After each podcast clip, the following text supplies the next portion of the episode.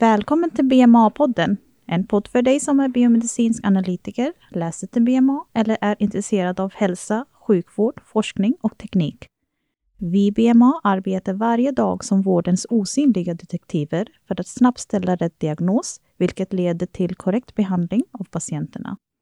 Vår podd är den första podden som riktar sig mot BMA och den enda i sitt slag. Vi som ligger bakom podden är Sanela Halak, Nafisa Ahmed och Eva Fabricius. Sedan slutet av 2019 har världen fått uppleva en massspridning av sars-cov-2, mer känt som coronaviruset. Viruset kom till Sverige för första gången 31 januari och sedan dess har det spridit sig runt om i landet genom hemkommande resenärer som har vistats i olika länder och orsakat en inhemsk spridning i samhället runt om i landet. Sjukdomen som viruset orsakar, covid-19, har ställt stora krav på den svenska sjukvården, då ett stort antal har insjuknat och detta har krävt snabba åtgärder och en omställning i vårdförloppet. Idag har vi David Sparf, chefsjuksköterska på SUS, som är med oss i studion. Välkommen David!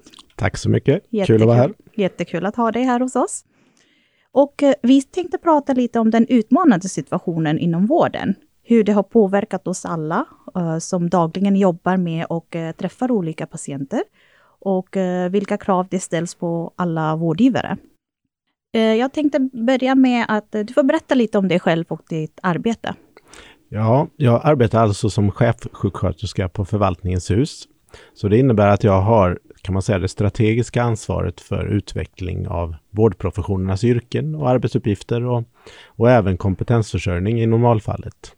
Och jag brukar tänka lite som att, att det är inte bara ett sjukhus, Lund-Malmö, utan även Ystad, Trelleborg och Landskrona som jag representerar vårdprofessioner då. Och jag brukar arbeta ganska långsiktigt och strategiskt med många ganska svåra frågor. Och bara för några månader sedan så var det just kanske bristen på kompetens och att bemanna som var den stora problematiken. Så mycket har förändrats. Ja, det kan jag tänka mig. Eh, vilka utmaningar uppkommer det i dagsläget? Det som inträffade när vi, vi har ju sedan den 31 januari redan som du sa, när de allra första fallen började dyka upp i Sverige, aktiverat krisledningen på SUS. Och där har jag suttit med oss som representant för vårdprofessioner, men har lite i relation till Region Skånes krisledning också utkristalliserat sig vissa olika grupper. Med infrastruktur där vi tittar på utrustningsbehov, bemanning såklart som är den jättestora frågan i en sån här situation. Men även att vi tittar då på, på de här kringtjänsterna som behövs för att vård ska fungera. Så ska jag sammanfatta de här åtta veckornas eh, turbulens så kan man väl säga att mycket av det som, som vi brukar göra på många år har kondenserats ihop till väldigt korta intensiva eh, arbetsmoment där vi har gjort otroligt mycket på kort tid och sprungit väldigt, väldigt fort. Vad skulle du säga den största förändringen har varit med covid-19-spridningen?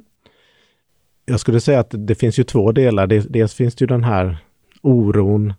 Det här är ju en kris som hela samhället är involverat i. Det finns så att säga ingenstans att ställa sig utanför som man kanske har i en mer, i mer de situationer som vi är tränade för i katastrofhantering. Där vi kanske har till exempel en tågolycka. Där finns det ju alltid stöd att få av de som inte har varit med i olyckan. Så den största förändringen har ju egentligen varit att vi befinner oss i den här pandemin där hela världen är involverad. Och det gör ju som medarbetare och även för oss då i, som jobbar med ledning av det här krisarbetet, att vi påverkas ju både som professionella men också som personer. Och det har, det har ju varit en jätteförändring då. Sen finns det ju en, en mer positiv sida av det, att sådana saker som vi inte har lyckats med tidigare, både i organisation och ledarskap och förändringar, helt plötsligt har möjliggjorts, för alla är verkligen som vi upplever det, med på att det här behöver göras. Så det, så det finns både för och nackdelar, men det, det, det har varit en, just turbulens är väl det ordet som jag, som jag förknippar de här två veckorna med. Jag förstår. Var finns fokuset nu i dagsläget, skulle du säga, i arbetet? Det, det, allra största fokuset här i Skåne har ju varit att vi har ju fått tid som andra inte fick. Och det, där tittar vi ju både på utomlands såklart på de de mycket, mycket besvärliga omständigheter som har varit i till exempel Italien och Spanien. Men, men även i Stockholm där man då har fått bygga upp organisationen kring krisen och bemanning och allt det här samtidigt som inflödet ökar väldigt snabbt. Vi har ju fått en, som jag säger, en förmån här i Skåne att vi har fått tid att förbereda. Så stora fokuset just nu det är att successivt öppna upp mer och mer kapacitet. Eh, både vårdplatsen, eh, kanske framförallt inom intensivvården, och att göra omställningar. Och när vi säger omställningar så menar vi då att vi, vi börjar titta på hur kan vi utnyttja alla medarbetare på bästa möjliga sätt. Så det vi ser som nu, det är ju att våra gemensamma resurser, det är det som kan hjälpa oss igenom den här krisen. Vi måste göra det här tillsammans och då kan det inte vara så att varje enhet eller verksamhet längre äger sina egna så att säga, resurser, utan vi måste se vad, vad kan vi använda dem till på bästa möjliga sätt över hela förvaltningen. Så det, det är det absolut största fokuset just nu, att fördela tyngden jämnt. Hur var det för professionen att anpassa sig till rådande omständigheterna? Jag skulle säga att jag har upplevt en väldigt starkt engagemang och väldigt stor förståelse väldigt tidigt i det här förloppet. Eh, vi som jobbar i vården, och jag skulle verkligen säga alla vårdprofessioner, många av oss har ju det här på något sätt. Det här var varför vi en gång började i hälso och sjukvård. För att hjälpa, för att stötta henne som samhällets på något sätt yttersta post. Det är lite så som jag vill se det. Så det, så det har varit en, en, ändå på något sätt en väldigt stor eh, värme som vi har känt. Så, så vi har varit väldigt, väldigt tacksamma för det, liksom det, det stora gensvaret vi har fått.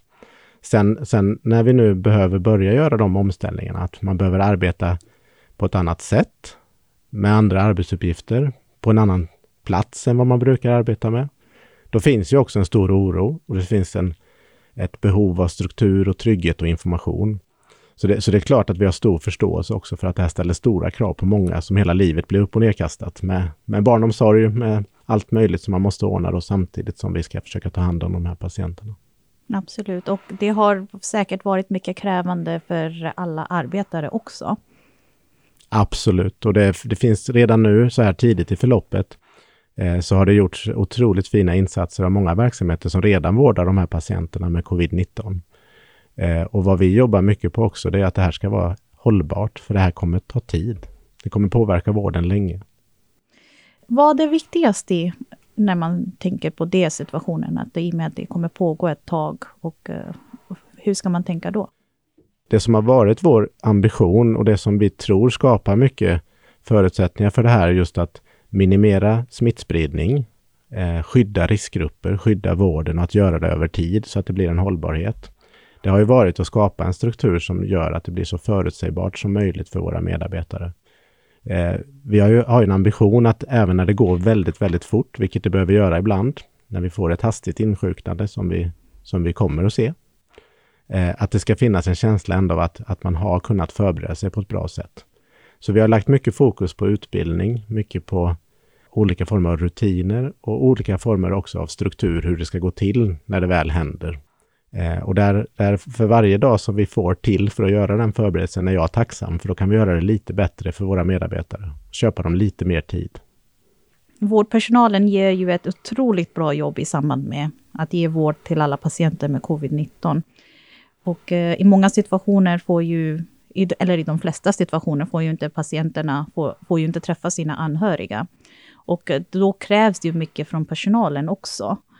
Vad finns det för stöd för personalen i de situationerna? Det är ju precis som du säger, det är en exceptionell situation att vårda så här svårt sjuka patienter.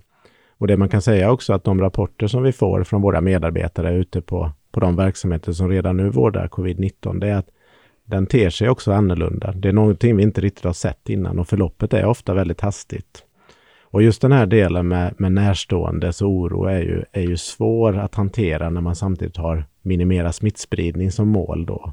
Och vad vi gör där, det är att vi precis som flera andra ställen i landet, att vi använder vår, vår organisation för psykosocialt stöd. Som har börjat redan sätta upp olika former av samtalsgrupper, och både i grupp och individuellt stöd. Och den kommer bli ännu mycket mer viktig när fler och fler vårdar de här patienterna. Vi behöver göra precis som i Stockholm och det håller vi på att förbereda nu, sätter upp olika telefonlinjer för anhöriga som vi kan hjälpa till att bemanna.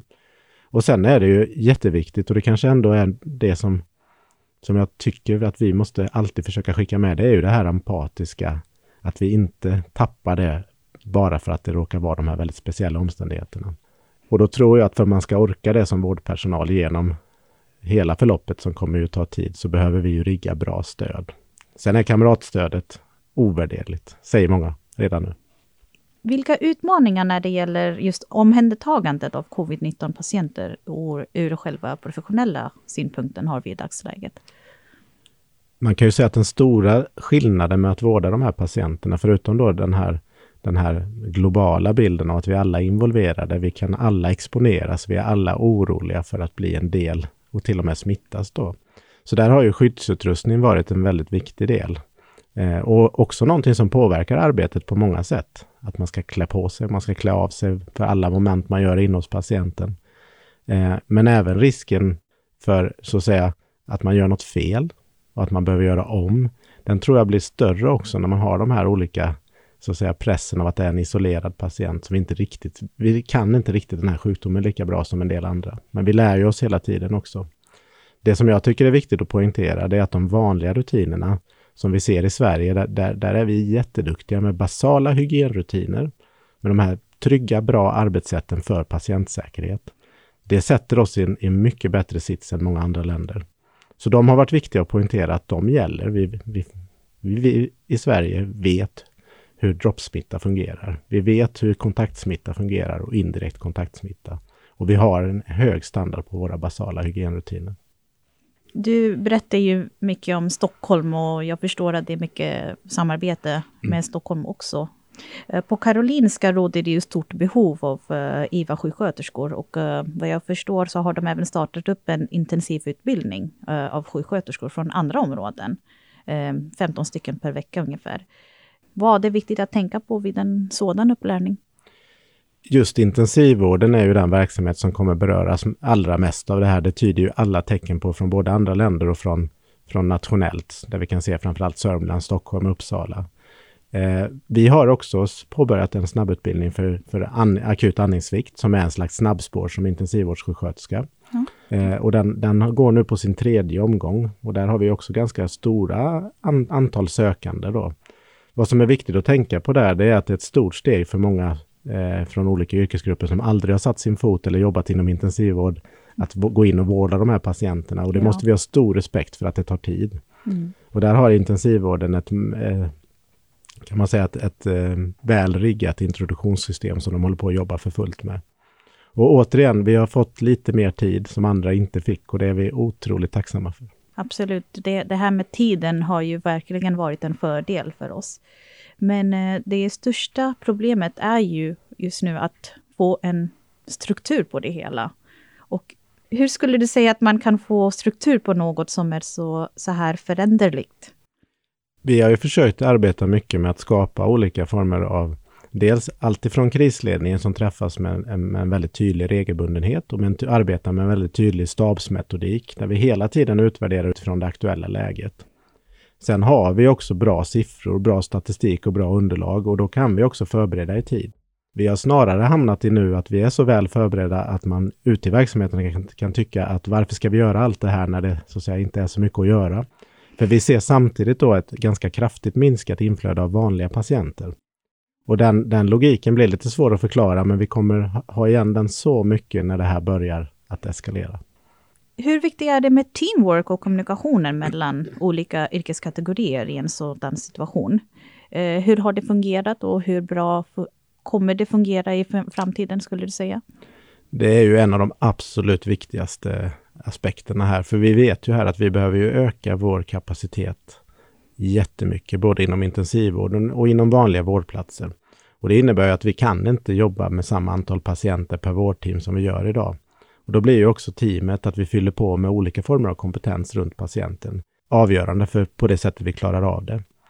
Jag skulle säga att det finns många lärdomar att göra av den första tiden. Fungerat mycket bra på många ställen, men också någonting vi behöver hjälpas åt med. För det här hade vi behövt göra i alla fall för att klara framtidens sjukvård. Skillnaden är bara att vi nu måste göra det skarpt i en väldigt snabbt eh, förlopp. Så, så för mig är det en av nyckelfaktorerna både kort och långsiktigt. Hur kan det utvecklas rent generellt skulle du säga? Jag tror som sagt att för, för varje dag eller för varje vecka vi får med ett ganska lugnt eh, flöde och det man ska säga med det också det är att det ökar ju stadigt antalet patienter fast det gör det inte på det här exponentiella sättet än som vi har sett i andra delar av landet. Utan, utan vi ser att ökningen kommer successivt och då har vi också stora fördelar fördelen att vi kan strukturerat öppna upp avdelning efter avdelning och, och ställa om eh, så att alla medarbetare på de avdelningarna får en bra möjlighet att börja arbeta med misstänkta eller konstaterade covid-patienter.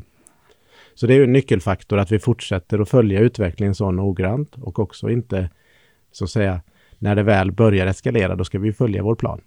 Och inte göra snabba paniklösningar utan, utan ha tilltro till att vi har kunnat jobba igenom processen på bra sätt. Och det tycker jag medarbetarna vid SUS ska kunna ha. Det har varit otroligt många inblandade och det finns en väldigt bra struktur för hur vi ska kunna utöka. När det är konstaterad smitta har vi ju tydliga rutiner om skyddsutrustning, eh, som du var inne på lite där också, hur de ska användas och så. Vad ser du som en utmaning på avdelningar som inte vårdar covid-19-patienter? Ja, den utmaning som vi har sett mycket de här första månaderna har ju varit det att, att symptomen är ju ganska ospecifika. Och det är ju mer allmänna infektionssymptom och då, de uppstår ju också i, i samband med många andra diagnoser. Och det är ju en svårighet i det här att på något sätt att, att när ska man misstänka det som vårdpersonal på en icke-covid-avdelning? Och svaret är ju på något sätt precis som vid influensa, att vi ska alltid vara observanta på den här sortens tecken. Alltid kunna ha bra rutiner för basala hygienarbetet och bra rutiner för isoleringsvård. Men det, men det kan vara utmanande just när man ser, eh, hade vi haft väldigt tydliga symptom är det enklare såklart. Absolut. Det är väldigt svårt att avgöra även på plats hur, eh, i och med att symptomen kan visa sig hos andra sjukdomar också. Eh, så det är väldigt svårt hur man ska hantera. Mm. När det gäller att följa riktlinjen som regionen tar fram, eh, vad är det viktigaste man ska tänka på? Ska man kanske an anpassa dem i olika avdelningar eller ska man, hur ska man tänka där? Det absolut viktigaste tycker jag är att man hela tiden håller sig uppdaterad på de kommunikationskanaler som vi har. Framförallt intranätet med covid-19-rutan som finns där med både lokal och regional inf information. Och där lägger vi ut alla riktlinjer, alla rutiner och allt det som kommuniceras från krisledningen varje dag. Så det tycker jag är viktigt för varje medarbetare att hålla sig uppdaterad på de delarna där också. Sen behöver man absolut titta på hur den egna verksamheten arbetar och fungerar också, vad man har för olika riskmoment. Och där finns bra verktyg att använda i form av riskanalyser och risk och konsekvensanalyser. En tredje faktor där som jag tycker är väldigt viktig och den kanske är mer riktad mot, mot cheferna. Men det är ju att ha en väldigt nära och bra samverkan med sina fackliga och skyddsombud i det här läget. Det, det, man behöver vara nära varandra hela tiden. Fast på armlängds avstånd såklart i coronatider. Vi är ju ett universitetssjukhus med mycket utbildning och um, i många olika yrkeskategorier. Hur skulle du säga att det har påverkat våra studenter? Det är ju viktigt att vi inte glömmer våra framtida kollegor. Det har varit från, från dag ett en väldigt stor, svår och viktig fråga. Eh, precis som du säger, det är våra framtida medarbetare och där, därför har det också varit väldigt viktigt att vi kan fortsätta med de utbildningsmoment och den verksamhetsförlagda utbildning som vi måste göra. Om vi skulle ha avbrutit allting i januari eller februari när vi såg utvecklingen här, då hade vi fått väldigt allvarliga undanträngningseffekter senare av att Eh, helt enkelt våra framtida kollegor hade inte blivit framtida kollegor. Så det har varit väldigt viktigt att, att integrera dem i det här arbetet. Sen samtidigt inte utsätta dem för onödiga risker såklart, men heller inte onödig materialförbrukning. Så det har varit en stor utmaning att kunna göra rätt moment och ändå fortsätta. Eh, och det är svårt för många verksamheter. Jag är väldigt tacksam för det arbete som pågår ute att försöka möjliggöra de här sista veckorna eh, fram till, helst fram till terminen slutar såklart också. Sen har vi också gjort en, en annan sak som har varit väldigt lyckosam och det är att vi an, försöker anställa studenter. Så vi har ju anställt både sjuksköterskestudenter och framförallt läkarstudenter i ganska stora antal som kan fortsätta sin utbildning men också jobba och vara inne och hjälpa till. Och då blir det liksom en mer naturlig integration mellan stud studier och kliniken och den tror jag är jätteviktig nu. För ska vi kunna klara av det här på ett bra sätt i de lite högre stegen eller nivåerna av, av inflödande patienter, då behöver vi ha hjälp av studenterna också. Så det blir som våra framtida kollegor. Har du några tankar om hur eh, vi som profession kan synliggöras eller uppmärksammas? Då tänker jag som biomedicinsk analytiker som vi är. Jag tänker i det här skedet, eh, den här våren, så har väl verkligen den professionen visat hur, hur viktig den är med, med alla de, allt det arbetet som gör, just som ni säger, med, började att säga här med osynliga detektiver i vården jag tänker alltid från den här analyskapaciteten till de olika, hur kan vi stötta slutenvården på ett bra sätt med olika undersökningsmetoder.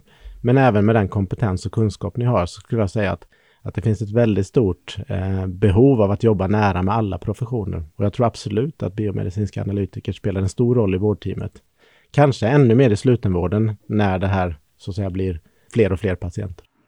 Har du några tankar kring workshifting, där vi utifrån kompetens kan ta ett större och mer självständigt ansvar kring alla undersökningar? Jag tror att man kan tänka sig det både inom undersökningar. Vi kommer behöva omfördela ganska mycket läkare att hjälpa till inom slutenvården. Har redan gjort det idag.